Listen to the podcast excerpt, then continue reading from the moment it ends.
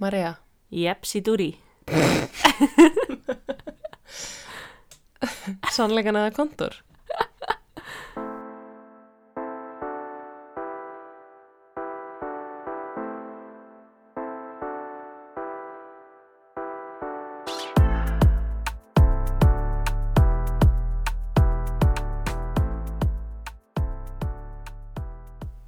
Ok, þetta var hugsanlega fáranlegast intro okkar hinga til. Mér fannst þurfa að brjóta þetta svolítið upp. Jepsi dúri. Já, þú veist eitthvað annað en já. Já. Marja, já. Ingileif, já. Já. Jepsi dúri. Jepsi Þið megin dúri. nota þetta.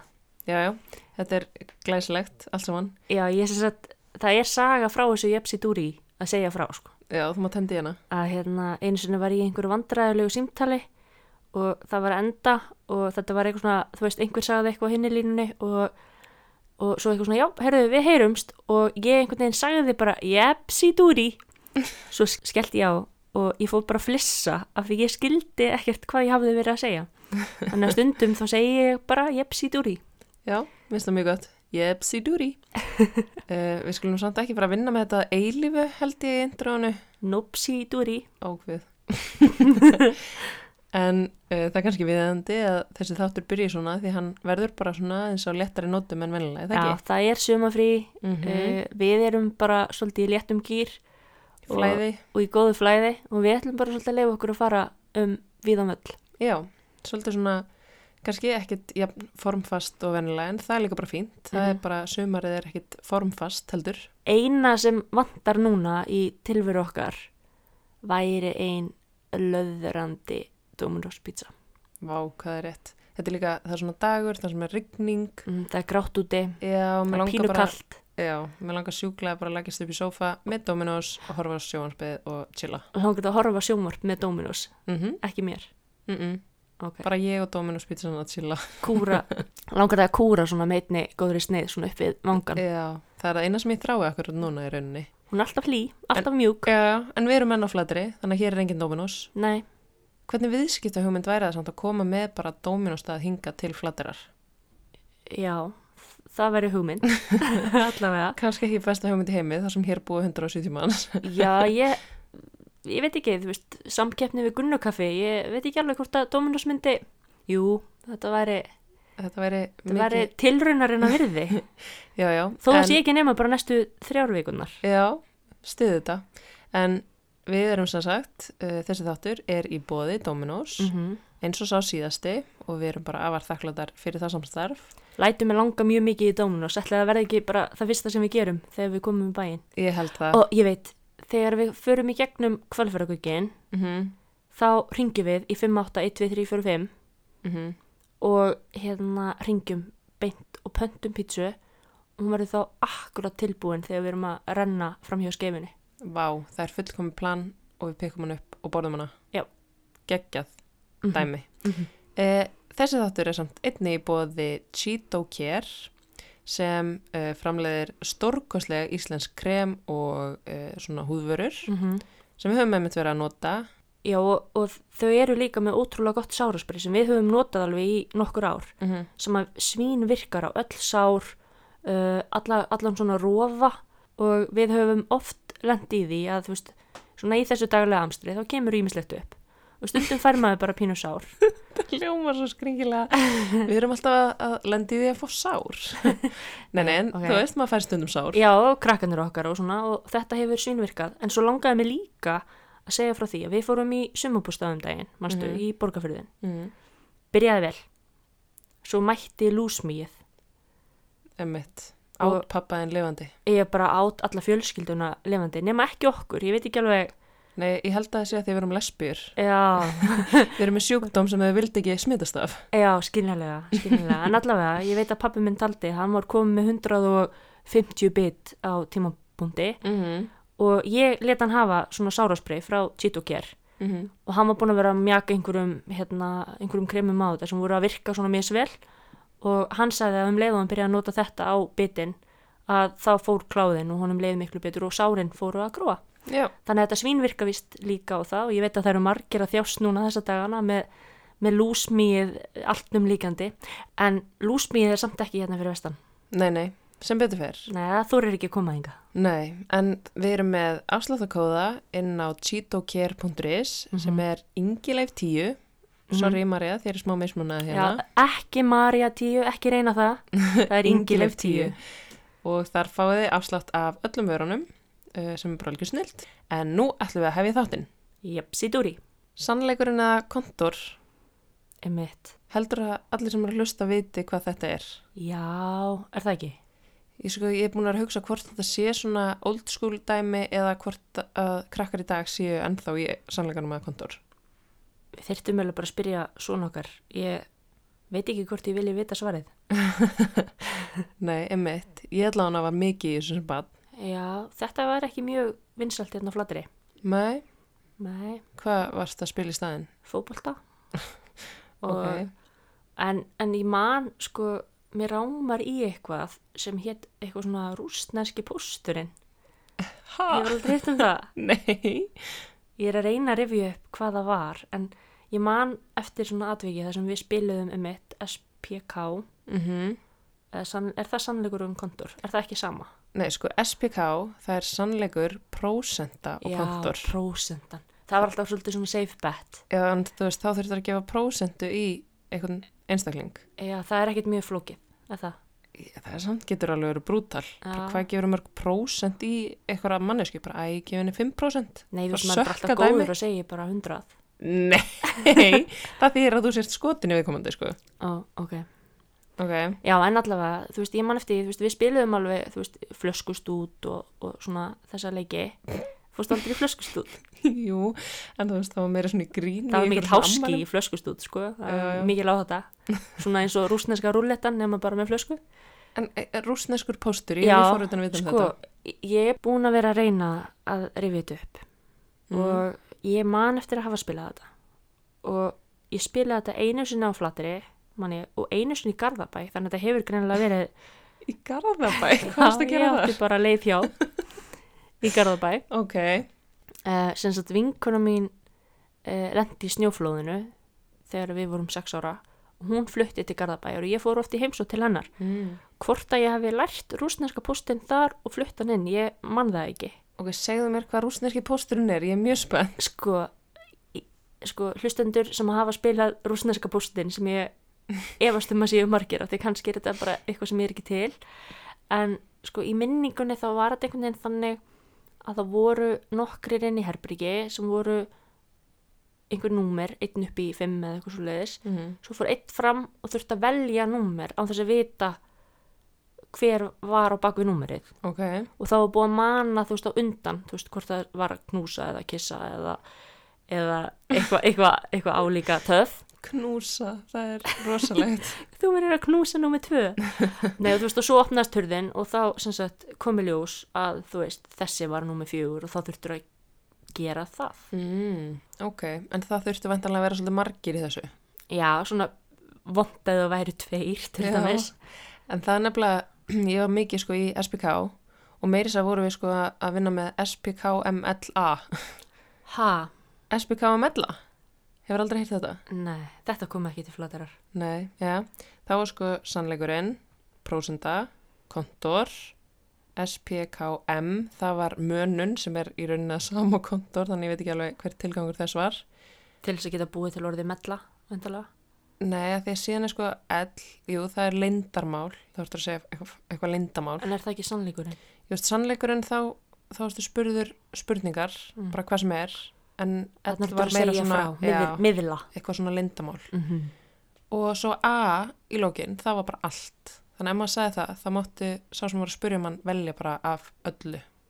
Ok, Já, og þar gæti maður verið náttúrulega bara þrýr eða eitthvað. Mm. Við vorum mikið í þessu í grunnskóla, sko. Mm. Og hérna, svo er maður líka að skrifa svona á, hérna, blað, þá veist, sérstaklega í P, þá var maður oft svona, vildi ekki segja uppátt. Mm. Þá gaf maður prósent á blað. ok, og hvað er svona það, það klikkaðasta sem þú þurftir að gera í SPKMLA? Sjá, sko mig. Sko, S var náttúrulega alltaf svona safe að því að þá gæstu bara að fengi spurningu og svarað. Ég var náttúrulega svolítið góð bara svona í því að, að sneika fram hjá spurningunni ef, að- ef að mér líka hann ekki. Mm. E, K, sko, kontor, þá náttúrulega þurfti maður að gera eitthvað. Ég man nú reyndar ekkert eftir neinu sérstöku sem ég þurfti að gera. Bara eitthvað svona, þú veist, fara upp að einhverjum og kissa hann. já, Þú veist, það var svona basic, sko. um Eða kisti eitthvað í ringnum. Þú veist, ef við vorum kannski nokkur að spila. já. Þá áttum maður að kissa eitthvað og það var alveg mikið gert, sko. Fyrsti kossin eða?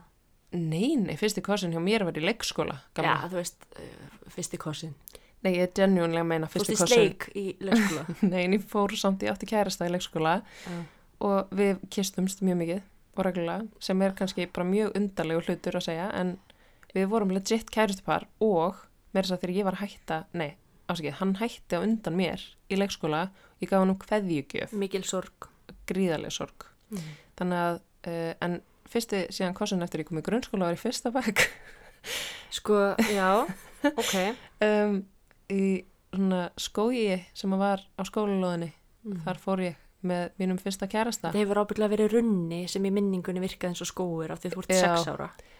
Já, emmitt. Þar fór ég semst með fyrsta grunnskóla kærastanum mínum Já. og Þú hann, varst bara vaðandi í kallpenningnum þarna. já, já, og hann, spurði, Fyrir hluta æfinar. og hann spurði mig á munnin eða kinnina og ég sagði alltaf munnin og svo gistu þetta bara á munnin í ykkurum runna í fyrsta bekk, sex ára. já, ok. Þannig að já, kannski pínu skrítið, ég veit það ekki, en sleikur, já. Já, já, það bara var hann ekki starf í sjötta bekk eða eitthvað. Færðu upp á skafti í öðrum bekk eða? Jú, jú, komin í skrúisleik í öðrum bekk. Já, já. Nei, nei, uh, en þetta var allt partur af því að vera bara í grunnskóla, alls já, konar að maður gerast. Er svona, maður er svona að fikra sig áfram í lífinu Já, og, já. og ég er alveg búin að vera svona að fara í gegnum það. Núna erum við búin að vera hérna á flateri í einu og halva viku. Mm Ekki lengur samt. Það er svona, Vá, mér finnst við vera búin að vera henni í svona mánuð. eða bara eitt ár. en þegar maður svona, þú veist, maður fer út á mótnana, þú veist, rútínan okkar er auðvitað svolítið fastmótuð verandi með 11 mánada kríli. Mm -hmm. Þannig að svona um 8.39 erum við kom, komnar út að labba. Mhm, og svo erum við svolítið bara út að labba yfir daginn eftir. Það er það eina sem strákurinn okkar vill gera og fara á róló og, og allt þar á milli, skoða bíla og, og hunda og kissur og, og allt þetta. En þegar við erum að ganga svona um götu bæjarins þá rifjast upp svona einmitt, alls konar svona bernskubreg og, og svona fáránlegi hluti sem að okkur datt í huga að gera Mm. nú var kannski ekkit brjálað aksjón í gangi þarna á flatri svona í barneskunni Hjá ykkur í tólf. Já, en við fundum okkur alltaf eitthvað, eitthvað svona fyrir stafni og það er svona tvent sem að poppar upp í hugunum mér sem svona, ég, ég er ekkit viss um að þið í Reykjavík hafa verið að gera fyrir utan SBK-ið og rúsneska postin. Um, Aldrei í rústinska postinum, en alltaf. já, ég kannski fór ég aldrei í hann, ég veit það ekki. Þetta er kannski bara einhver minning. Þetta er hugmynd. kannski bara draumur sem þið dreymdi eitthvað tíma. Já, ég þarf að vel að googla þetta, kannski bara er þetta ekki til. En allavega, uh, sko, við, það var tvent, sko, við stundum það. Hér voru auðvitað hérna mjög, mjög margir svona farandverkamenn sem að komu hinga til að vinna í fristuhúsinu og fóru síðan bara, þú veist, og, og hérna, og þegar ég er að alastu upp þá er þetta bara frekar mikið svona fjölmenningarsamfélag Mm. en það sem að fylgdi þessum hérna, einstaklingum var ótrúleg tækni, ný tækni sem að við höfðum aldrei séð og það voru svona gerfinnattadiskar Já, og, hérna, og þeir eru þetta með þá væntalega bara stöðvar frá sínum heimalöndum og við krakkanir stundum það að, að svona ruggla í sendurunum og gera fólki mjög reitt þannig að það kom út og, og bölvað okkur en býtu var, voru þið bara með fjastrengur sem virkaði á allt. Nei, nei, þú veist, þetta, það, sko, það var setna, sko, þú veist, það, Já. þetta var byrjunin, sko, við hugsuðum, við vorum að setja, þú veist, þetta er ekki gott, kannski eftir ekki, en, en það var svona sendir og það var yfirleitt svona einhver kókflaska utanum sendin til þess að verja hann frá snjó og rigningu Mm -hmm. og við settum oft bara steina og eitthvað svona fyrir þannig að það trublaði sendirinn. Marja Rut, Já, þetta var bara eitthvað, eitthvað leikur sem að við vorum að mana sem sagt hvort annað í að gera þetta. þetta var í kontornum sem sagt. Já, þetta var svolítið í kontorn, þannig erum við stattar í kontor, sko. En svo sem sagt, datt einum vinum mínum, það snjallæði huga, því að á þessum tíma var hérna svona samræmdur hérna myndlíkill alltaf. Þú veist, það var hérna fyrsti myndlíkillin sem kom, frá stöðu tvö. Svona hérna grár með svona takka í miðunni. Nei, nei, það er nýtt, sko. Við erum Já. að tala um, sko, miklu stærra borg, box, það var svart á litin, ég manna mjög vel, og fjastríkin sem fylgdi með var svört. Þetta er bara, ástu mín, þú ert bara að fæðast á þessum tíma, sko. Þú veist, Þetta er bara, hérna, þú veist, þú ert bara eitthvað þryggjára að, að, þú veist, læra að segja bíl eða eitthvað, sko. Og, oh my god, þú ert ekki svona mikið aldrei en ég, sko. Æ, svo. Jú, en samt á þessum tíma hlutfarslega alveg nokkuð á undan og það sem að var pínu fyndi við þess, þennan myndlíkil var að allar fjastringarna virkuð allar myndlíkluna Mm, þannig að ég gat farið með fjastringu heiman frá mér, heim til vina míns og skiptum stöðvar hjá honum og var mömmu þinn og pappa alveg sama og væri bara að taka fjastringur Þetta á voru- röltið. þetta var bara degi til, allir að vinna og enginn að pæla sko. Mm. og við sem sagt tókum svona fjastringu ég man ekki hver áttana, einhver vinnu minn og við fórum að stunda það að fara á gluggana hjá fólki og skipta svona um stöðvar bara til þess að ruggla í liðinu Og fattaði fólki ekkert hvað var að gerast? Nei, eða? það var bara snýr, þú veist, tók fjastringunum sínu upp og fór að skipta tilbaka og skildi ekkert í þessu og við vorum að hækka og lækka og, og alls kannar, ég sá þetta held í einhverju mynd eða einhverju vinnur okkar eða eitthvað, ég man ekki alveg hvernig það var en þetta sem sagt gerðum við okkur svona til dagra dvalar hér á Flatri Meiri vandra úlingarnir. ha? Já, svo sko urðu nokkur svolítið reyðir þegar það kom upp og það var svona mikið samanskupið sem fylgdi því já, já. og við báumst afsökunar og svona. Svo datt okkur líka einu svona í huga að taka svona upptökutæki, þú veist svona hérna diktafón Já. sem var með svona pínu lítilli kassett í, Mm hefur þú séð svo leiðis? Marja, við erum ekki frá sikkur öldinni, sko. Nei, en þú hafðir ekki séð frends þegar við byrjuðum saman, þannig að Ég hafði alveg séð frends í sjónvarpinu, ég bara hafði þú ekki hafðir ekki bindt hort á það. það Nei, það er ákveðin munur en allavega, tókum svona, svona hérna, diktafón eða svona eh, upptökutæki Mm. og vorum með það falið inn á okkur og vorum að spyrja síðan, þú veist, fólk að alls konar persónulegum spurningum Ok, þetta myndi nú ekki flúta í persónuvendalögum í dag. Nei, nei, en þetta var líka 96 sjáðu til, eða 7 Emmitt. en, en já, ég ætti nú svo, svo sem kannski bara ekkert að vera að segja frá þessu öllu saman en, en ég er bara að opna mig Jú, jú, Hér við og nú. erum, við erum greinilega í sannleikanum núna. Já, það er sannleikurinn, ég er bara að láta eða segja frá lindamálum, Já, þú ert í ellinu. ég er í ellinu Mm En við, sem sagt, þetta topic átti ekki að snúast í raun um það að við værum bara að tala um hvað SPK er, sko. Nei. Við ætlum svolítið að fara á, á svona trúnum, Já, var það? var það ekki? Jú, jú, ég, við höfum svo sem ekkert betra að gera Nei, við bara erum hérna staddar, Kirlott kvöld við fjörðin já, já, á stúdíu ömmu mm Mhm. og hérna, Þetta er svakalegt stúdíu já, þetta er geggjað, sko. bara takk amma fyrir að lækka í sjómarpinu á meðan við tökum upp takk rökkvi fyrir að sofa Einmitt, góðar aðstæðurina ef að þið heyrið í einhverjum vindi eða þú veist skipum eða bátum eða eh, bílum að keira þá Bátum? bara Já, bara það eru- svona, það eru nú bátar hérna í fyrðinum að jú, keira jú. það var maður að lappa hérna niður göttinu með körfubolt á þann, það var skemmtilegt Já, ég meina þið bara verðið að afsaka en þetta er raunveruleikin þetta Já, já, við erum bara hérna á flatteri á aðalgötunni í Já. bænum að reyna að taka þetta upp þannig að þið bara afsakið það gera okkar besta En já, við ætlum nú samt að reyna að vera bara á léttum nótum við erum ekkert að fara í eitthvað hardcore trúnu held ég nei, eða hvað, svo erum við alveg vísar til þetta dettum alltaf, allt of djúft þú þekkir okkur sko Já, en Marja, SPK, er það bara þannig? já Uh, S, Sannleikurinn? Já.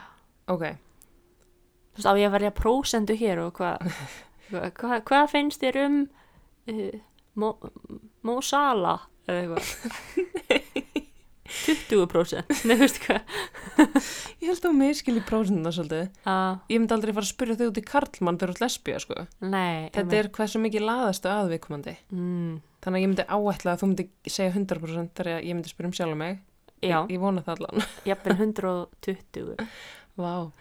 En, en ég held að við ætlum ekki að fara út í prósendur hérna. Nei, Ég held að það sé svolítið... erum við kannski bara í S-inu eða? Ég held það. Já, Um, það er svolítið skrítið að vera með kontor eitthvað í raunveruleikanum já, já. Við... eitthvað, eitthvað hérna, herru, ég ætla að manna þig að styrta niður á klósitið Svo eitthvað hérna stendi upp og bara Marja stendur hérna upp Marja fór inn á bað og hún gerði það sem ég baði hann um að gera Takk fyrir Já, ég er nú kannski, ég myndi ekki mannaði til þess að styrna hann í klóstinu. Þá væri ég, þú veist, freka mikið sorp af mannesku í SPK.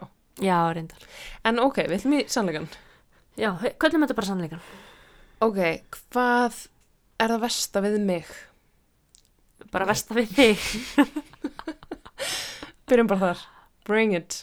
Ú, um, Og ég, sé strax eftir þessu, en allt í lagi, ég ætla að standa með þessu. Uh, það, það, Pff, það versta við þig, Ingileif, er að ég get ekki alltaf verið með þér. ok, minn góður Nei, ok, það veist að við þig ég er vissi að þú verður að fara að svara annarkvort ykkur svona eða að þú ert of sæt en við ætlum að taka þetta full Nei, ok, blown sko, það alla leið. versta við þig er að þú getur verið ótrúlega mýl sveimhugi stundum mm, og svona dottið inn í bara hérna, tímaleysi þitt og, og hérna og þá er engin leiðin nei, Vistu hvað ég er að tala um? já, ég held það ég er svona býst við að þú sért að tala um líka svona þegar ég, þetta er svona þrá ekki tendensa Já, þú getur ekki hægt að hugsa um eitthvað eitt sem þú verður að gera og Mm. heimurum fer svolítið bara on hold á meðan. já, ég byrst afsökunar á sig ég skal bara reyna að vinna með þetta Já, en svo er þetta bara þú. já, þannig að þetta er ekkert svo slemt Þetta er bara hluti að vera en á móti kemur að þú gerir ótrúlega hluti sem að ég myndi aldrei nenn að gera. mm. ok, þetta er að versta við mig Uh, já, eh, er það ég, ekkert eitthvað svona að þú lyktast stundum illa eða eitthvað nei, þú líktar alltaf vel, sko. þú ert ekki með neitt svona, þú ert ekki með neitt svona líkamsvessa vandamál, sko. ok, ég er mjög, Um, mjög ánað að heyra það Já, ég held að, ég held að sé það sko svona þegar, þegar þú farið svona eðna, obsessions yfir eða, Já, ég, ég held að sé það það sé svona það sem að eh, reynir mest á mína þólum hefði, allavega Já, ok. Ok, En, þetta, er, þetta er eitthvað sem er hægt að vinna en með. má ég segja spegill eða hvernig virkar þetta? Eh, já, ok, vá. Uh, fatta ekki að ég verið að koma sjálfur mér í bara Búmerang, bandræði með því að spyrja það þessu. er komið að Vest- sannleikstundu Mm, Já, sko, já. Uh, vesta við þig. Uh, það er einhvern veginn svolítið kannski svipað nema af öðru tægi að þú áttu til að fara í svolítið svona svolítið overspinn yfir ákveðnum hlutum Mm. uh, en svo finnst mér samt ljótt að segja því ég veit að stafar frá kvíða stað Mm. um, en það er Er svona, kvíðið minn það versta við með mig? það er ótrúlega ljótt að segja það þannig ég ætla ekki að segja það en svona hlutir sem eru kannski orðin svona smá lærðhegðun út af kvíða Mm. að svona fara ákveðnar leiðir í lífinu til þess að innfalda ákveðnar hluti til að finna ekki fyrir kvíða Mm. Eins og hvað? bara svona, þú veist eins og við hefum alveg talað um þegar við erum að fara að ferðast og svona þú veist, það verður svona, þú verður bara það verður stöttur í þráðurinn þegar þú ert í aðstæðum sem að er að fara að valda að kvíða Mm. en ég veit þetta er kvíði sem að er rót þessa vandamáls eh, þannig að ég ætla ég ætla bara að, já, láta hér við liggja og þú mátt spyrja næstu spurningar kvíði er ekki vondur uh, hann getur reyndar hjálp uh, hamlað manni í lífinu en þú veist, við erum ekki tabú eða neitt slíkt, þú ert ekki tabú Mm. sorry, ég sé eftir þessu nei, Nei, nei, ég, en þú veist Ég við veit meina. alveg hvað þú ert að tala um, já, já, já, ég, ég skil, ég ætla bara aðeins að taka básu núna. Í- ég er að tjóka. Herðu, uh, ég- hvað, S eða S? það má líka segja sko að mitt þrá ekki dæmi sé bara í raun kvíði Já, þannig að þú veist, við erum bara hérna, við erum bara stöndum jöfnum fótum hérna, Mm -hmm. við erum báða bara Við leiðumst saman í gegnum þetta. Já. Pínu perriðar stundum, en alltaf leið. já, já, það er ekkit, ekkit að versta sem hægt er að vera Ok, Mhm. en er komið að mér. mm -hmm. Viltu S eða S eða S eða ell, eða L? bara, þú veist, bring it við erum, Nei, bring it, hvað þú ert að velja. já, við erum bara í eh, allar að raunverulega spyrja svona í hvert Það er komið með leyndamál. Eh, er það bara eitthvað sem ég á þá bara að kokka upp á staðnum Já, veintalega. Vá, Við ég erum að þarf- búið þetta til bara hér og nú. já, ég þarf smá tíma til að hugsa það, þannig að ég byrja á S Ok. Mm, hvað finnst þér helst svona að fólk getur svona miskilið um þig? Svona heldur, heldur að fólk sé að miskilið þig mikið? Mm, sko, góð spurning. Ég hef sko einu sinni á æfinni hýrt að, þú veist, viðkomandi held að ég væri tussa áður en að hún kynntist mér. Uh, þannig að ég veit ekki hvort það sé eitthvað raunverulegt þeng að fólk haldi það. Uh, það hefur bara ein manneski sagt mér það.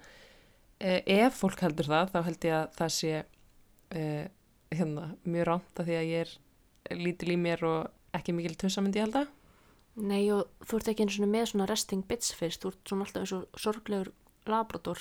sorglegur Nei, og svo sorgleg svo sorglegt að horfa á þig sorglegur labrador.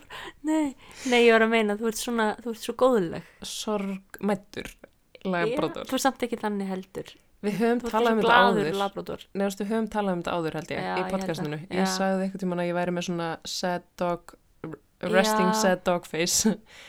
um, En er þetta ekki bara einhverju ein manneskja sem held þetta, þú veist, er þetta eitthvað algengu miskilingur um þetta? nei, kannski ekki, en algengur miskilningur um mig gæti kannski verið bara, uh, ég veit það ekki, ég held samt að ég sé alveg þannig á samfélagsmiðlum að fólk heldur ekkit að ég sé með allt á hreinu held ég.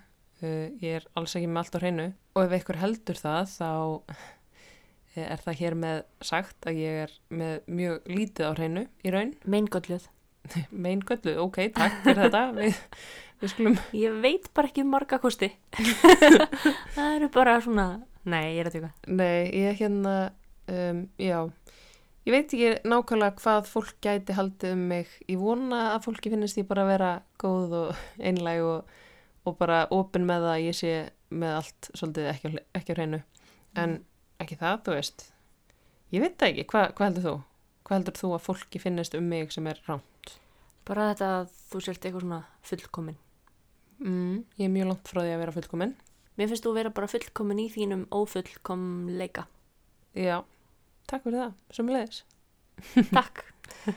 Um, en þá er þessu vendalega snúið yfir á þig. Hvað heldur þú að fólk uh, já, haldi um þig sem er rand? Sko, ég fekk náttúrulega áfall einhvern tímann í vetur þegar einhver held að ég væri bara ótrúlega feimin og þyrfti ekki að tala Já, emmitt. og hérna, Það var eitthvað sem að sendi mér á Instagram bara talar Mari aldrei. já því ég sit alltaf einhvern veginn svona við hliðin á þér þegar þú ert að tala, annarkvært að keira eða eitthvað og ég hef ekkert alltaf verið eitthvað rosalega vókal á þínum miðlum en þetta er bara þínir miðlar og ég fekk pínu áfall af því að þú veist, ég- ég er ekstrovertin í, í sambandinu okkar sko Já, ég meina þú tala miklu meira en ég nokkuð tímann sko. Já, ég varð bara svona pínu meðviti, ég bara, guð, er ég bara sín af mér einhver hlið sem að bara endurspeglar engan veginn hvað ég er, af því að ég yfirleitt á í erfileikum með að hætta, hætta að tala Mm. ef eitthvað er. Og ef við hittum einmitt fólk, meiri segja bara ef við höfum hitt fólk eitthvað staðar sem að kannast við okkur af hérna í gegnum Instagram eða eitthvað, þá ert þú yfirleitt meira svona, uh, já, out there heldur en ég sko. Þannig að það er mjög fyndið að fólk skuli halda það, en ég ætla samt að lega mér að segja líka uh, varandi miskilning fólks um þig að ég veit að það er fullt af fólki sem heldur að þú sért ykkur hardcore gæla og hérna, ég held að mér þess að Er fyrst. það? Já, ég held að þegar við vorum að hittast fyrst, þú, þú ert með eitthvað svona smá væp út af við eins og þú sért bara einhvern veginn, ég veit það ekki, grjótörð típa. Mm, sem ég er. Þú ert sko, sko öfugt við það að vera grjótörð og það er óksla fyndið. Ég hérna, Mér finnst því samt pínu svona grótör þegar ég fyrir vinnugalan, sko. já, þú, þú reynir að vera grjótörð en þú ert mesta mús sem ég hef hitt á æfi minni. Já, það er rétt. og ég man ekki hvort ég hef sagt eitthvað um hann frá þessu í podcastinu en þegar við vorum að byrja saman þá held ég einmitt að þú væri svona voða hörð og töff og eitthvað og svo uh, vorum við bara eitthvað svona að fara að horfa á þátt saman og ég var eitthvað svona já þú veist, ertu að horfa á okkur þætti og að, þú veist, horfa á okkur saman og þú veist eitthvað, já ég er að horfa á eitt þátt, ég er enda svolítið smeyk við hann ég, hérna, ég veit ekki hvort ég þóra að horfa á hann núna það er orðið svo dimmt og ég eitthvað, ha, byrju, þú veist, held þú verður að horfa á eitthvað brútal morð X-Files, dót. eða eitthvað. já, ég eitthvað, já ok, hvað þetta eru það Æ, hérna, þeir þetta pretty little liars Mjög skeri þættir. ég bara, ha Þú hefur sjálf bara verið mjög hrætt með mér að horfa á þess að þetta. nei, Marja, Jú. ok en þú veist, Við þurfum ég, eins og að setja hann á ís. Já. en Marja, ég var þannig í þeirri trú að þú verður eitthvað mega hardcore gæla og þú bara eitthvað varst að kúki brækunar yfir pretty little liars sem er mjög fyndið Já, ok, en þú verður að veikja að þetta eru pínu skýrið þetta er. Smá. Já, sko, já, kannski, ég veit það ekki. Ég held að þú hefði meira est upp í mér eitthvað svona, eitthvað ræðslu. Af því að ég er raunverulega frekar hardcore á þessu sviði, sko. Í, Marja, við höfum einu sinni, ég hef einu sinni í okkar sjö ára sambandssögu náð að plata þið til þess að horfa á hryllingsmynd ein með mér og við horfðum á Conjuring, hérna það ekki? jú, og það var ógeðslegt og þess vegna hef ég ekki viljað horfa aftur á neitt af þessu tægi. Nei, bara Mhm. gaman líka að horfa á hryllingsmyndi með þér, bara takk fyrir það. Eh, Þannig að já, hér með er það sagt, Er ég það er kannski það sem harðari er mest enn Marja. óþólandi við mig? Nei, Að ég horfi ekki á hryllingsmyndir? já, jú, í raun. Já. En, en hérna, svo það sé á hreinu fyrir fólk. Þá er ég harða típan en ekki Marja. Nikslast Já, hérna framan í mig. einmitt, Ok. Þetta er skemmtilegu leikur. Tjók, vissla móðgur. Ok, og yfir í eitthvað allt annað og letra ekki all. Mm, Marja, ég er með spurningu fyrir þig. ok, skjóttu. Um, ein stjarna í heiminum. Sem sagt, ekki stjarna á himni.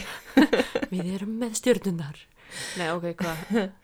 sem þú myndir fyrir sleik við. Bara einhver, einhver Hollywood stjarna. Hollywood stjörnar segiru? Já, Uh, Kate Hudson. kemur hún helvísk. ég sagði þetta bara af því að ég vissi að þetta myndi að fara í tökunar á þér. Já, þú sagði mér náttúrulega fyrir bara nokkrum árum að hún væri bara svo voða mikið ástin í lífiðinu að ég bara hef eiginlega ekki komist yfir það síðan. Nei.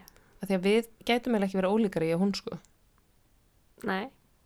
Nei, mér finnst að segja ákveðna sögu. Hvað átti ég að velja Liv Tyler af því hún líkist þér eða eitthvað, þú veist. Nei, og sorry, Þá voru þú að velja bara Meryl Streep. sorry líka að fatta inn í mér akkurat núna að postirinn sem ég myndi vilja gæti ekki verið ólíkari en Er ég. það ekki Rihanna? Já, um eitt kastaði steinum, bara. Ok, ég tek þetta allt tilbaka. Held samt áfram að vera pyrruð þegar við horfum að Kate Hudson Já, myndi. ég hlusta aldrei aftur á Rihannulög, það er bara þannig. Það er ógislega fyndið samt að þetta genuinely er eitthvað sem pyrra mig. Í alvörunni. Nei, ok, ekki þannig, en ég fæ svona... Ok, þá segi ég frekar bara Hillary Clinton. María. ok, Michelle Obama. Þa- það er þema í þessu. Já.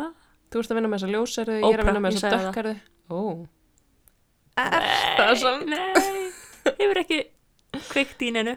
Nei, ok. Nei. En, en þú veist, ok, en, en hérna ef við erum að fara yfir í sko ekki konur. Tvær lesbjur að leika leikinn, hvaða mann myndur þau? Það er sleik við. Já, bara svona að forveitnið sögum. Svara þú fyrst. um, ég hef ekki svar við þessu, ég, ég raunverulega hef reynd að hugsa svona aður og ég er ekki með neitt í huga, jú ok, ég er með neitt í huga og það er, það er mjög spesifik uh, tímasetning með þessa á þessu það er Jude Law í The Holiday þegar hann er með glerugun, hann er mjög kjút Er það bara því hann er einstæðu faðir? mm, kannski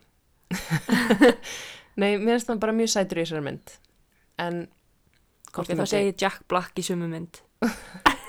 ég Nei, ok, ég, ég veit ekki alveg ég veit hver það er samt hjá þér hver. svona fyrir all our bachelor fans out there Mm. þá er Marja Rósa skotin í Colton Nei, mér fannst hann bara svo sætur. Colton Underwood er uh, Ég myndi ekki verið sleik með hann, sko. jú, það er Nei, ég karlmaðurinn myndi sem velja vera á mamma myndir- hans eða eitthvað. ó, hjálpi mér Eða þú veist, ég myndi velja hugsa bara fallega um hann. þetta er að þróast út í mjög skrítið samtalana, komdu bara með eitthvað aðra spurningu Ok. Mm. Ingilei, mm -hmm. Mhm. ertu með einhvern leyndan hæfileika? um, Ef þú verður að vera að keppa í svona hæfileika keppni þú, Mm. ok, þú, ok, þú ert að taka þátt bara í hérna hæfileika keppni nákvæmlega það sem þú varst að segja e, Já, ég ætla bara að undirstrika það aftur aðeins meira spennt e, Hvaða hæfileika myndir þú sína? einhvern sem að er leindur Mm sem að fólk veit ekki af Fólk er bara mind blown það er svo asnælt að ég sé að fara að svara því sem ég er að fara að svara af því það væri svo asnælt að standa upp á sviði á hæfilega kefni og gera Hvað er það eitthvað svona með tunguna þína? Já, ég get svona flett upp á tunguna mína. Um, ég veit ekki hvort ég geti útskýrt þetta í eirunum á fólki án þess að sína þetta. Ég held að En þetta ég kallir get- bara á mynd Já, Á ég Instagram? skal bara setja þetta í Instastory. Ég get svona flett upp á tunguna mína þannig að hún liggi í svona samloku og ná, sem sagt, þ- hvernig get ég útskýrt þetta? Hún svona, hún flest niður á sjálfa sig. Það er bara mjög skrítið Ég veit það og það er ekki margir sem að geta gert það, sko. Ég get ekki eins og gert svona pulsu Nei. Ég er Einmitt. algjörlega, þú veist, Ég- vanhæf Já, ég get gert held ég öll svona tungutryggs sem hægt er að En gera. það er vist arfgengt Er það? Já. Já, reyndar er rökkvið strax byrjar að gera svona pulsu. Ha? Hefur ekki séð það? Ekki pul... Í alvöru? Já, já, já. Vá. Og hann gerir svona, svona, til hliða með tunguna. ok, ói, það er bara heyrist eitthvað tunguljóð. Og ég, Hann ok, gerir sko svona. að þú veist svona snýr tungunni í sikkur áttina. Hann kann það, það er eitthvað sem ég get gert líka og ekki þú. Ok, En uh, já, ég held að það sé minn leyndi hæfilegi sem ég myndi samt aldrei standa upp á sviði og sína af því tata! að Og hér með vinnur þú hæfilega kemnina Ísland gott talent. Þetta er ótrúlegt. En lindur hæfilegi, vá. Um, ef ég væri að fara í hæfilega kemni þá myndi ég líklega bara fara og syngja en á saman tíma þá myndi ég kúki Hvaða lag brækunar myndir yfir þú því. taka? Ugh. Hver Ég- verður svona þitt? Þú ert bara, það er X-faktor, þú ert mætt á sviðið, þú ætlar að heilla Simon Cowell upp úr skónum, já, þú ert skyndilórum bresku ríkisborgari. Hvaða lag tekur þau? Sko þetta eru aðstæður sem ég myndi aldrei setja menn í af því að ég myndi vera búin að pissa á mig og kúka á mig og fá tauga áfall og öruglega bara andast í smá stund áður en að ég myndi lóksins komast á sviði sko. Mm Um, mér finnst þetta mjög streitvaldandi tilöksun en ég ætti að velja eitt lag, segiru. Þú myndir taka ég og líf. Það væri sirka bátt senasta lagi sem ég myndi taka. Um, Fjólublátt ljós við barinn. já, þú ert alveg á réttri braut. Eh, Nei, vá, ég veit ekki hvaða lag ég myndi taka. Ég myndi bara, þú veist, Myndir ekki hendi ég eitthvað svona klassíst audition lag. nei, allir ég myndi ekki taka bara, hérna, ég myndi draga þig með mér. Ég myndi segja að við erum band og að því ég myndi aldrei geta gert þetta einu óstutt, þá myndi ég taka þig með mér á sviðið og við myndum syngja What's Up með Foreign Non-Blondes. Ok, og rúst þessu. Já, Kargi lagið okkur góða, við myndum Viss- negla það. Vissur að hér í fyrðinum er sko band sem heitir Hjónabandið. Nei, Jú, það eru ekki hjón... hér í fyrðinum, Jú, þau erum við ekki að tala um bandi í augri? Nei, það er ekki hjónabandi, þau eru ekki, ekki gift sko. Ó, Þau eru bændur hérna í fyrðinum. Hann er með skemmtara og, og harmonik og hún syngur. Ég hef sko farið á böl með hjónabandinu, það er trillt. ok, við ætlum að byrja, Ég væri til í nefnilega, minnst pínu pyrrandi þú veist að því ég væri alveg til í að stopna þetta band. já, hér. við, við skulum vinna með bara sambandið, Er það ekki til eða? er það? Veit það ekki, en Nei, við ég er að ætlum ruggla saman við stjórnina, það er svona, það er ekki neitt eins en ok. Allavega, já, ok. ok, en við ætlum að hérna stómlega hljómsveit og fara út og taka þátt í X-faktor, Mhm. það er konklusinu þér, Mm en Sko, þú er samt búin að gefa út nokkur lög, sko, þannig ég veit ekki hversu leindur hæfileiki þetta er. Nei, það var líka það sem ég sagði að ef ég þyrfti raunulega að fara að suða og gera eitthvað, þá myndi ég bara syngja, Mm. en mér finnst það samt mjög erfitt Mm. að því að svona pressa, þú veist, eitthvað svona hæfilega keppni, ég myndi bara klepra undan því, en uh, ég, mér bara dettur ekkit annað í hug sem ég myndi geta farið upp á svið og gert að því að ég myndi ekki fara að sína mér tunguna, skilur það er fáránleg pæling. kemur það trommulöð drrrr, nei, vá, þetta var umlöð trommulöð og allir ógislega spennti bara hvað er að fara að gerast, hvað er að fara að gerast svo reyku þú út tunguna og það heyrir svona, svona lúður að þittur, svona fjarlægð svona dadara Og svo heyrist bara svona sem ég smjátt í mikrofón bara, þú já, veist, þetta er ógæslega hljóð, nú er ég að gera þetta sem sagt, já þannig að, uh, nei, þetta var ég viðbjöður. einmitt. En ég Ok. veit það ekki, ég myndi kannski bara hérna, oh, ég kom með þetta. Vá, hvað ég var alltaf einu að bara fá svona piffani yfir því hvað ég myndi gera. Uh, Ég myndi ekki jóðula. ok, Mm Ég myndi jóðula. Þetta er lindurhæfilegi, þetta tekar í öll bóksinn. Ég geti gert þetta Mhm. án þess að frík út, að því að mér finnst þetta eiginlega auðveldra heldur en að syngja held ég. ok Og ég myndi bara eisa það og vonandi vinna. fáum við tóndami Já, ég skal gefa tóndami. Uh, ég held ég mun sprengja hann mæk ef ég syng beint onni en þannig ég farðu ætla bara eins frá, Já, farðu kannski bara inn í næsta herbyrgi ég mun vekja barnið okkur með þessu sko, en alltaf, er tilbúin? ég er mjög spennt Hjörlei, hjörlei, hjörlei, hjörlei, hjörlei. Ok, sé eftir þessu, uh, það er allir líkur á að ég muni klippa þetta út, en annars bara, þú veist, Þetta- verður bara að trúa mér. Þetta er bara mjög góður hæfileiki, ég get þetta ekki. Nei, hvað myndir þú gera í sömu stöðu? Uh, ég var að vona myndir, myndir ekki spyrja. Sko, ég er með ofverkliðan mót. Það er svipað tungudæmi mitt, þú myndir ekki bara standa upp og sviði bara, sjáuði mig, ég er gölluð. Ég er með fæðingagalla. Nei, en, en þú veist, ég gæti unni með það svona eitthvað svona áhættu aðriðið, svo bara kemur hendi mín og hún flexast meira en aðra ári. Ég get einhvern veginn bjargað fólki úr einhverjum aðstæðum. Þetta er aldrei ekki að bjarga engan einum og neinum aðstæða með þessu. Nei. En ok, þú veist, jú, jú. Um, Þú getur verið hérna stelpan í hérna galdrakassanum sem að bara kemst einhvern veginn undan hnífunum að því af að, því hún er með svo flexible hendi. já, Um, nei, sko, lindur hæfileiki. Uh. Mm. Ég get debatað við einhvern. eða þú getur tekið svona morfísir yfirildi bara Já. upp á sviði. Nei, ég veit ekki, ég er rosalega hæfileika laus. Nei, þú getur tekið hérna, uh, þ- guð, í fyrsta leið þú ert ekki hæfileika laus. Ég held þú getur tekið svona, svona hérna, já, hér mun ég fara yfir staðarendir um alls konar, Ég get Dót sem rakið að- ættir mínar, nýju ættir aftur í tíman. ég er að segja það, þú getur komið með eitthvað svona, svona mjög fyndið hérna, uh, bara, já, sínt gáfur þínar einhvern veginn á sviði. Ég gæti reynda kannski fyrir mig uppistand. Herðu, það er eitthvað sem þú myndi gera. Það hljómar mjög svona kokki en ég held að ég get alveg samið fyndið uppistand. Já, þú hefur gert svona hérna uh, smá tilraun til þess að gera, eða þú veist, ekki tilraun en þú hefur svona gert light uppistand Mhm. við vorum einu sinni, Svona visslistúrar. já, við vorum svona skemmtanastjórar á, uh, á viðburði þar sem að við vorum eitthvað svona, vorum beðnar um að vera sniður og skemmtilegar og fyndnar og ég var eitthvað svona, já, Marja, eigum við ekki bara að hérna, þú veist, vera með eitthvað svona punta í huga og gera eitthvað út frá því þú bara, nei, ég er best on the spot Frasadrottningin, sko. já, já, Ég er bara myndlíkingarnar flugu. já, Þú já. veist þarna þetta sjálfsöryggið uppmálað Já. bara ég ætla ekki að semja neina Nei. fjandans punkta, ég stend þarna og fell með því sem ég geri Mhm. og þú eisaðar það sko. Já, fólk hló allavega. Hvort Já. það hafi verið að hlæja af okkur eða af okkur, ég veit það ekki. Nei, ég held að hafi aðalega verið að hlæja að þér og ég hérna, já, Mhm. Hlæja hlæja, að mér, er það ekki vond? Þú veist svona, hlæja af þér. nei, ok. Það, er, nei, þú, maður segir ekki hlæja af, Nei, hlæja með þér Já. eða eitthvað, I don't know. En ég hefði svona, ég var á tímapunkti að pæla svona múnvokka bara út af sviðinu og bara leifa þér að taka, taka sviðið og bara eiga það sko. ég er svona, ef það verið kastarar á okkur, bara slökk á þínum. Já, mér, En, mér, en við minnum á að afslutakóðin er yngilif 10.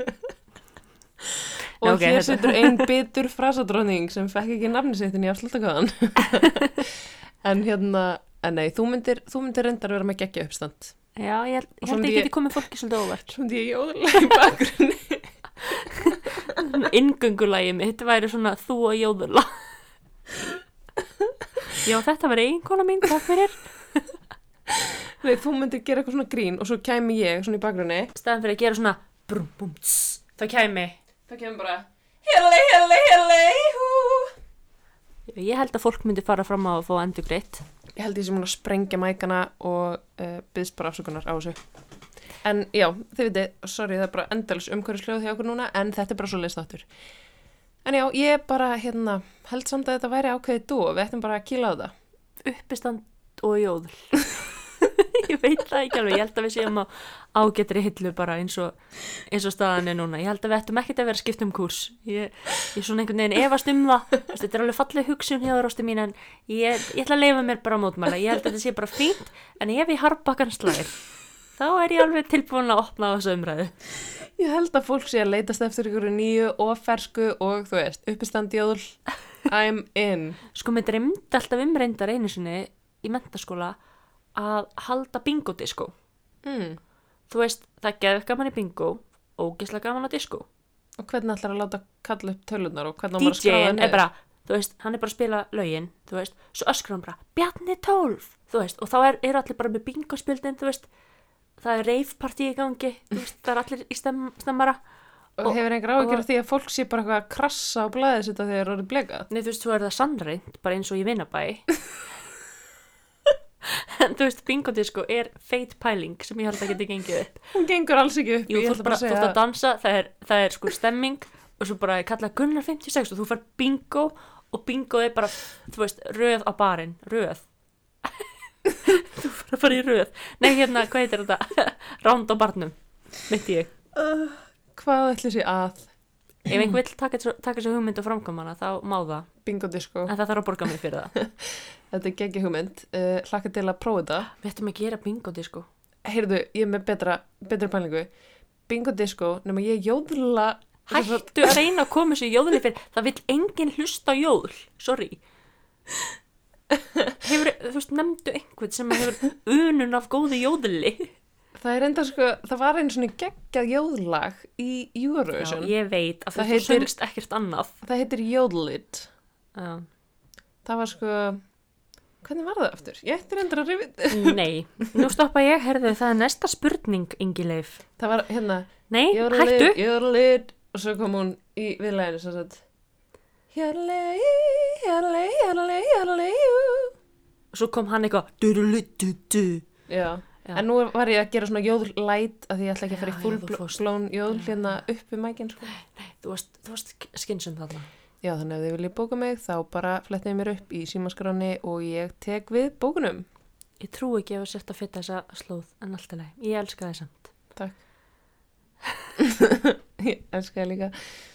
Ég sé fyrir mig eftir svona ár verður þú bara þekkt fyrir að vera kona sem kemur í partí til að jóðla og það er allir bara að gera grína þér, þú veist það er Já. enginn. Þetta verður svona gæsa stekja þeng. Já, einmitt. Elska það. En Frábært. næsta spurning. Já. Haldum áfram. Ok, sko nokkra spurningar er viðbútt, mm Mhm. ekki, ekkit svo margar, bara Nei. fá hennar. Já, já. Hvor okkar er líklegri til þess að brjóta lög? Uh, vá, góð spurning. Við höfum báðar brotilög.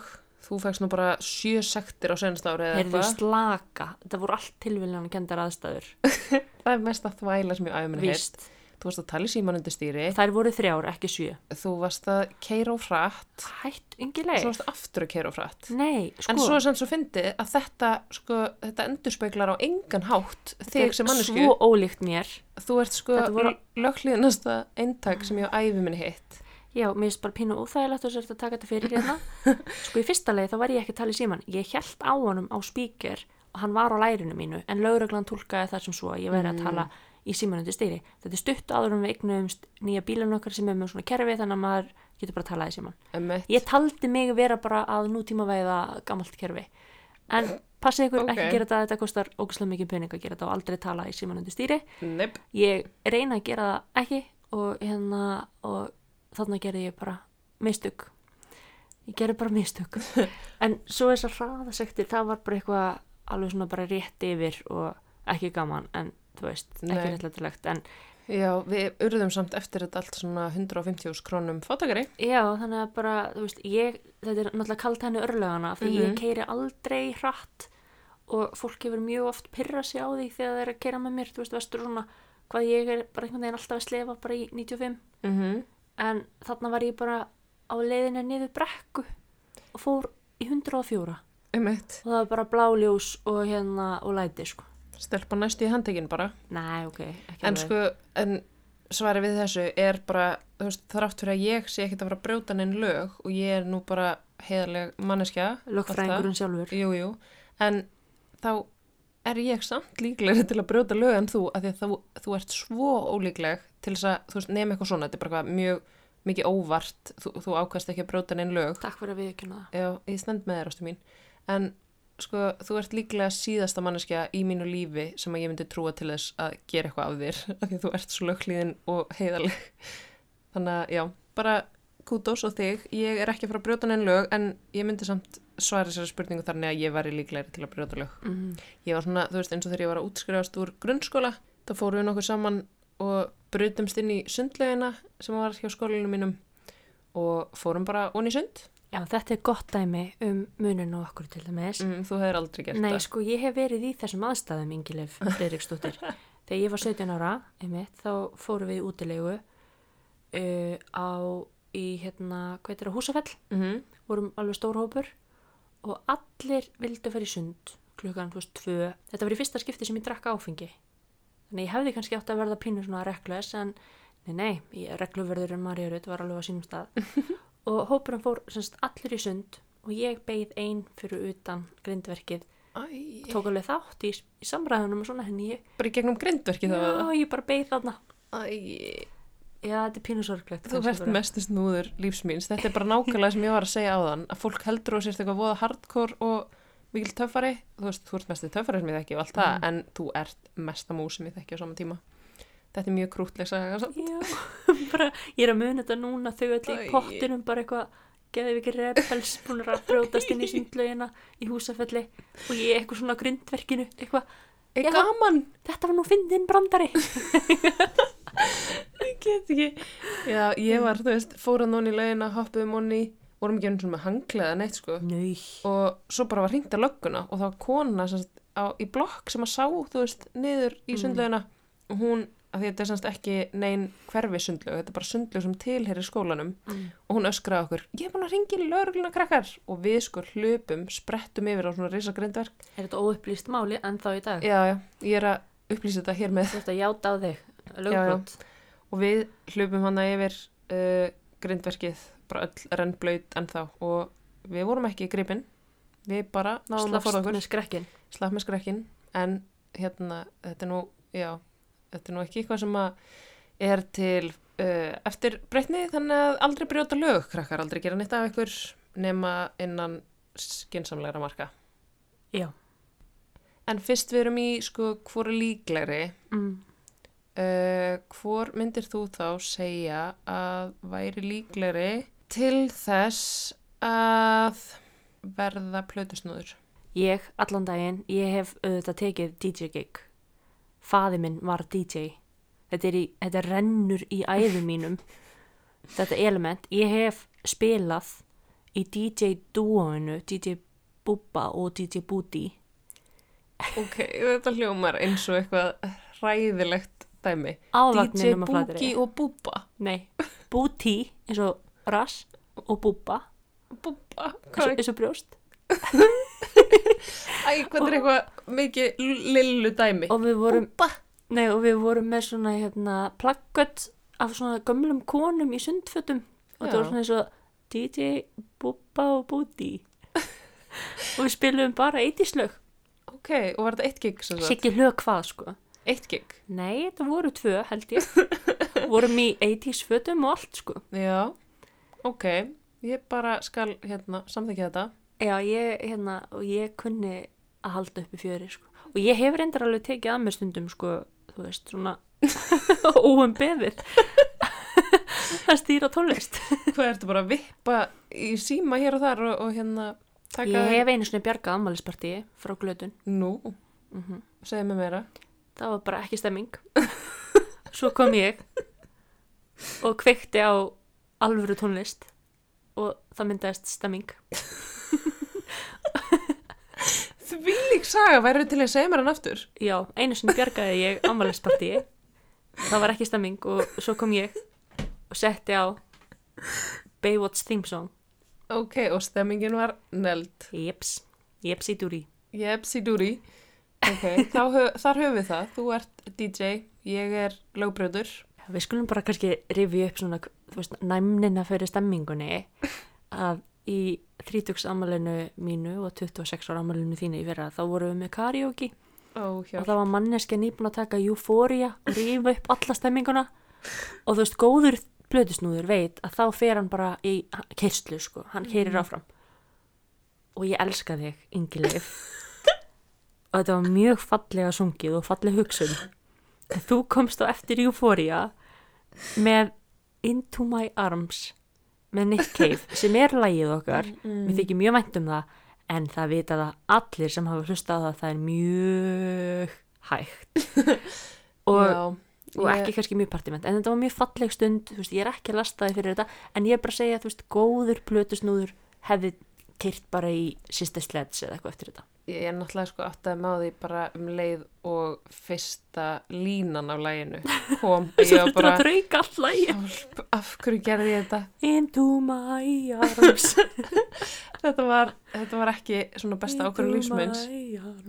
Og veistu, þetta er svona eitt af þessum momentum, þú veist hvernig maður stundum leggst á kvöldan og það rifjast upp bara eitthvað svona vandræli moment lífsmanns og þau einhvern veginn svona, svona koma bara í ljóslifandi minningu í haustum á manni Ég fór skemma lægir og maður bara svona fær svona krins yfir því að hafa gert eitthvað. Þetta er eitt af þessum momentum. Mm. Nei, ég elska þetta laga út á lífinu, þetta er lagið okkar alltaf, en guðmengur, hvað þetta Ég var. krinsaði alveg smá, Úff. þú veist, inn í salnum að því ég var bara, uff, þú veist Æ, æ, æ, En- æ. Ég segi bara sorry við alla sem voru viðstattir. Þetta Ég var las samt svo sætt. ekki aðstæður nægilega vel, ég viðkynna það og hérna, þetta, voru, þetta var mjög astnalegt. En eftir þetta Svo þá kemur alltaf kaplið bara eitthvað. And I believe in God. Nei, hvernig er love? lof Nei, And þú, I know that you do too. ég er mjög ánæg með þeim Marja að vera að syngja hérna bara Já, ég er að sína bara mi- mína bestu söngrödd. Já, já. Nei, en, en þetta var mjög fallegt og einlegt moment. En, en þú veist, raukstuðningu fyrir því okkur ég ætti frekar að vera DJ. Já, en, en finnst þér ekki óþægilega svona moment sem að poppa svona upp í hausuna þér þegar þú ert Jú. að sofna? Jú. Þetta eru svona nokkur moment, ég, Mhm. ég fæ svona netta þráhyggju yfir þessu sko, talandi Já. um þráhyggju, Mm. að mér finnst þetta sko þannig að ég væri bara svona ef ég gæti spóla tilbaka og breytt hlutunum þá myndi ég gera það af því að þetta veldur mér hugarangri. Í alvörunni, Já, já. alveg svolítið sko. Já, Já, sko, ég ekki meina- bara eitthvað þetta moment, ég bara tala um svona þessi vandræðilegu Mhm. moment sem maður upplifir Mhm. stundum bara einhvern veginn þegar maður þú veist, eins og þú þekkir þú einu sinni varst að byrja að vinna upp í dómsmálaráðaniti Mhm. og já, þar var þinn yfirmaður alltaf bara svona sína þér og benda þér Já, út bara ég er að gangin mæta fyrsta daginn minn, kem út úr liftinu og hann svona réttir út aðra hendina. Ég hafði hitt hann mann einu svona áður og ég faðmaði hann af því ég held hann var að byggja um það og kist hann á kinnina. Og, og hann bara eitthvað svona var augljóslega bara að benda mér svona eins og maður gerir bara já við fyrir mig þessa átt og viltu fá kaffi. já, þetta er, Nei sko þetta er bara eitt versta sem ég hef lendi í þetta er ekki gott og moment sko. ég var bara, ég man að ég settist niður síðan og drakk kaffi, þóttist drakka kaffi af því ég bara gat ekki höndlað að segja bara, nei, sorry, ég vil ekki kaffi þú veist eftir þetta og ég hugsaði bara, ok, Marja Rödd þú ert nýbyrjuð að vinna hérna í þessu ráðuniti og þú ert eiginlega bara búin að ganga yfir mörg yfirmannsins þíns á fyrstu mínúturum og svo þorði ég ekki að segja neitt, við bara eittum þessu, svo var ég sko setna einhverju tveimur árum setna vislustjóri í jólahlaðborði í ráðunitinu og þá let ég þess að sögu gossa já, já, og fólk hafði alveg gaman að hennu sko en talandi um uppistand, þú Já. tókst nett uppistand hann já, ég tók þetta á mig sko og, og þá myndi hann alveg eftir þessu atviki líka sko já, og þú veist, þetta er eitt af þessum momentum það er endar, þú veist, En mér þú finnst ákveðið redemption fyrir þig að hafa getað að tala um þetta já, og acknowledge þetta af en þú því að- veist mómentið, þú veist, þú ert byrjar að fara í famlega, ég fattaði alveg þá Já. að það væri ekki málið, þetta er svo vond, sko þú getur ekki hætt við þá Nei. þannig ég varð bara að klára þetta, já, já takk þetta allar leir Uh, ég Ah. ah. þóli ekki þessi moment sko, ég hef svo oft gert þetta og svo og hef kissa ég, fólk óvart þú veist, það er að versta, þú miskilur eitthvað svona, betur, erum við að fara í famlag erum við Já. að fara í koss og kinn mm erum við bara að takast í hendur þú veist, er, og fólk sem tekur fyrst í hendi og faðmar svo þú veist, Mhm. getum En- við verið með samrænda reglur bara já og svo er samt sko, þú veist, fólk er svo misjæmt, ég er svona knúsari til dæmis og ég hef alveg oft lent í því að við erum kannski bara eitthvað að hitta fólk sem að þú þekkir og ég hef kannski hitt einu sinni og ég bara, þú veist, ég Fer bara alla Mhm. fer leið. alla leið, ég bara fer inn í knúsið og svo kemur þú svona fyrir aftan mig og þú bara segir hæ og knúsar ekki einu sinni, kissir ekki, tekur ekki höndina á eða neitt og þá er ég einhvern veginn bara, ok, fjandinn, ég er bara búin að knúsa þessa mannsku. þú ert jafnvel bara búin að fara mannavilt sko. þetta er kannski bara einhver manneski sem ég svona kannast við Ok, ég náttúrulega er ekki neitt sérstaklega mannglögg. Nei, COVID var kannski pínu þægilegt fyrir suma hvað þetta var þar að þú veist, þetta var bara svona samræmda reglur Já. fólk fór yfir þetta en ég saknaði reyndar knúsin sko Já, ég er nefnilega knúsari sko og kannski finnst fólki að stundum óþægilegt af því ég, þú veist, ef ég kannast við viðkomandi, þú veist, þá er ég bara vís til þess að fara að knúsa af því að, af því að ég hef svo oft líka lent í aðstæðum þar sem ég sko uh, á að þekka einhver mannsku en er ekki alveg að kveikja sko. Mm. þannig að knúsar hana bara til öryggis Nei, en þú veist, að þá lendi ég í svona vandræðalegum momentum Já. þar sem ég læð, eða þú veist, þar sem að virkar bara eins og ég sé bara dónalega því Já. þá þekki ég ekki viðkomandi. en Hefur það er lent í líka alltaf þessu. þetta óþægilega þú veist, á ég að segja hæ eða ekki Úf, ég er bara, Þú þetta eru momentin Mjög sem erfitt. að, En þú fær líka þrá ekki fyrir því. Þú ert ennþá Já. þreymur dögum setna, oh, ég hefði átt að segja hæ við hana. já. Og af ég er því alltaf að- bara eitthvað hægt að hugsa um þetta og bara ég get ekki hægt að hugsa um þetta. Svo mánuði setna, oh, ég hefði átt að segja hæ við hana. Og ég bara, Mánuði senna.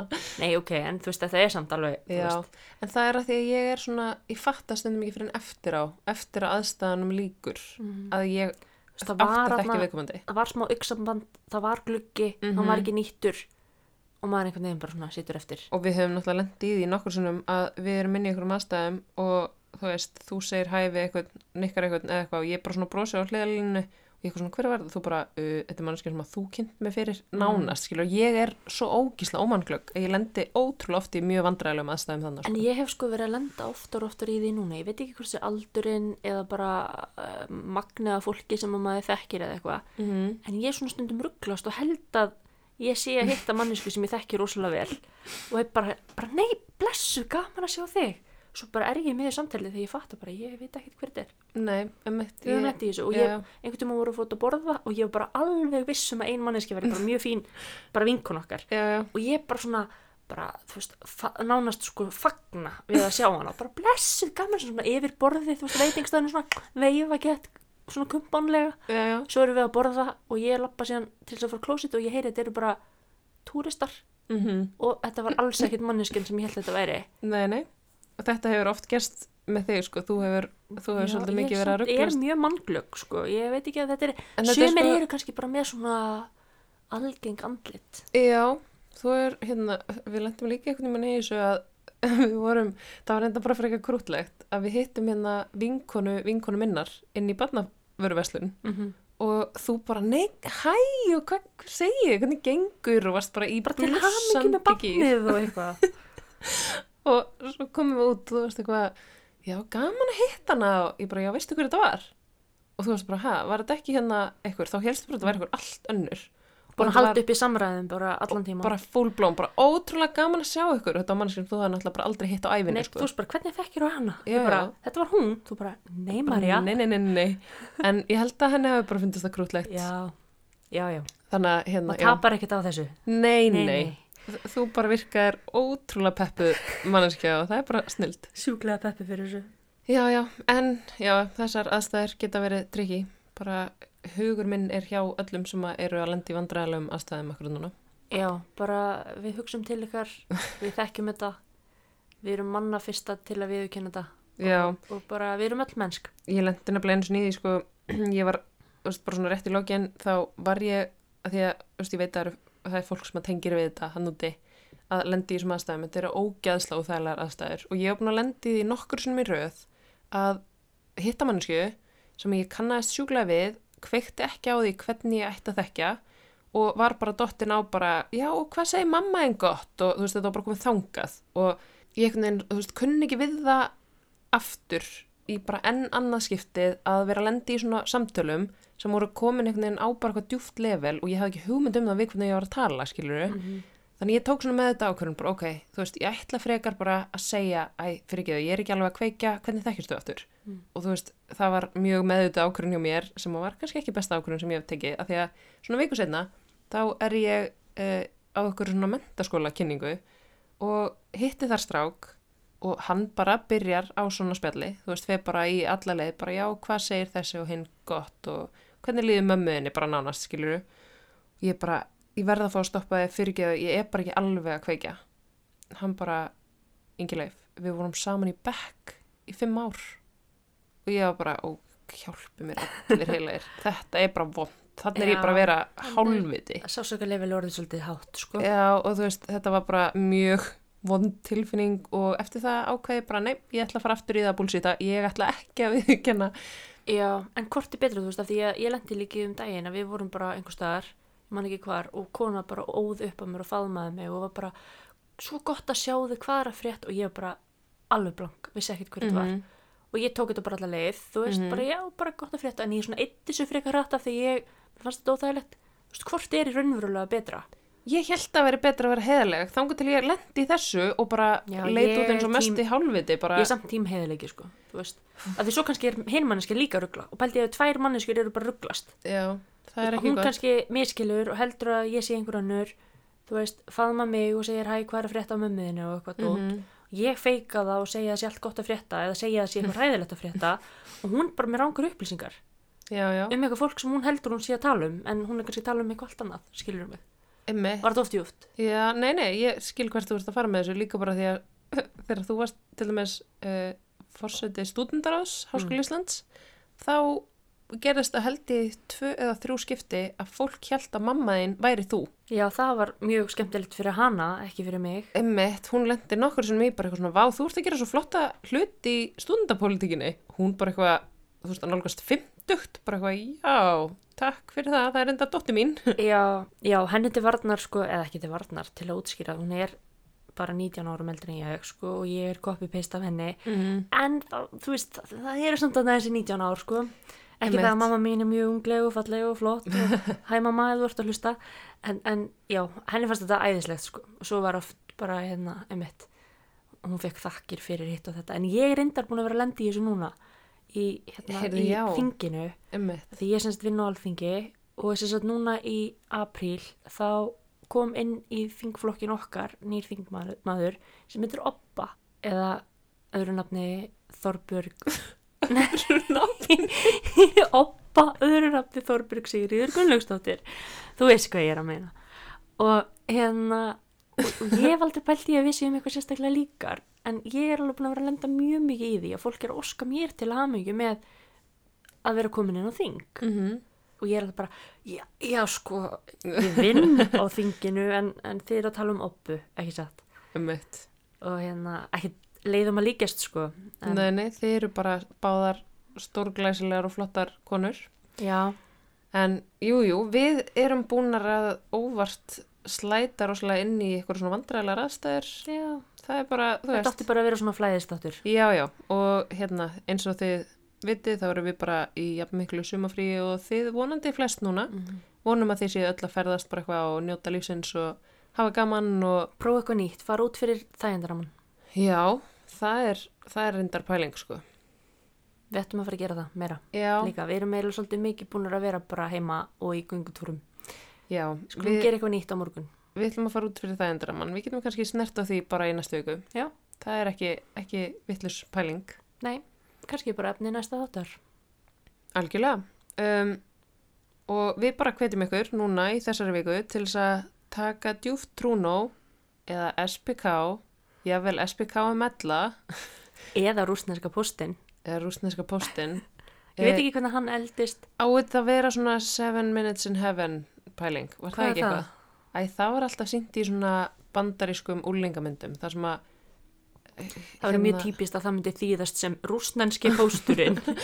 En það var eitthvað svona þá sem sagt uh, áttu tveir að fara inn í uh, skáp eða annað herbyggi í sjö mínútur og máttu bara gera það sem þau vildu. Sumir voru bara hvað í sleik, sumir voru að spjalla og, og það máttu ekki segja neinum hvað hefði gerst. Já, nei, þetta var ekki þannig. Þetta Nei. var eitthvað svona eins og svolítið svona rúletta, sko. Ok. En eins og ég segi, ég man ekki, ef einhver man hvernig rúsneski bústurinn virkaði, þá má hann til að senda ykkur línur að þetta er óljósminning. Ég á, það hefur komið áður fram að ég á ekkert mjög svona solid minningar úr æsku, þannig að þetta er svona einhvers starf þarna. Þetta er þarna einhver staðar og við bara hlökkum til að heyra í ykkur með ykkar rúsnesku rúletu. Nei, rúsneska post, afsakið. Já, ég veit ekki líka af hverju þetta heitir rúsneski pósturinn. Þetta er Nei. eitthvað mjög spes. En allavega... eh, Anywho. Anywho, eigum við að fara að horfa á mynd og chilla. Eh, Já, við vorum að byrja á borgin eða hvernig myndir við? Búinn. eða hvað? Búin. Búinn. Já, uh, sem að við höfum aldrei hort á og það Tíjar og byrjar, gamleir pólitískir danskir þættir, hversu miklu lúðar eru við og skalanum 0 til 10. tíu. Já, Og- Góðu þetta samt. Já, það byrjar ókslega vel og það minnir mig svolítið bara á þína vinnu. Já, þetta er Þannig að- svolítið, svolítið þannig. Mjög skemmtilegt, við ætlum að fara að gera það núna, hvetjum ykkur til að bara gera eitthvað kósi. Mm -hmm, Minnum á afsláttakóðan ingilef10 uh, inn á cheatocare.is Já, og þið getur fylgst með inn á instastory hjá mér, Ingileif uh, næstu daga við munum sína ykkur frá þeim flottu vörum sem að þau eru með uh, og absolutt. þökkum þeim að sjálfsögðu kærlega fyrir að vera styrtaraðalar þáttarins og einnig Dominos og uh, bara byggjum ykkur vel að lifa Eru við bara hverja eilifu?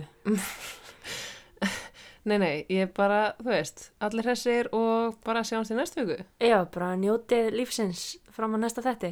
þannig að koma með eitthvað svona geggjað átró Já, munið bara að lifa í lukkan ekki krukku. Þetta er vest átró sem ég hef heyrt, hvað er með eitthvað nýtt? uh, munið að lífið er eins og það er við getum ekki breytt því við erum fangar í eigin líkama og þurfum bara að fylgja þeim farvegi sem okkur er gefin Ok. við erum viljalös verkfæri kapitalismans Þú áttar á því að þú varst að segja það í þættinum og getur verið uppistandari. Ég held kannski að þú færir eitthvað svona léttari nótur. uh, Hvað er með þér? já og munið bara að spenna beltin af því að það verður gaman næstu vikuna En hvað að það verður sökkað? ok, bara, þú veit það ekki. Mm, veist, njótiði og ekki þjóta. Já, við höfum unnið svolítið með það að njóta en ekki þjóta. Við vorum mitt með það í senast þetta. Þannig að bara við kunnum ekki endina þátt og við bara segjum bless. Jepsi dúri. Jepsi dúri.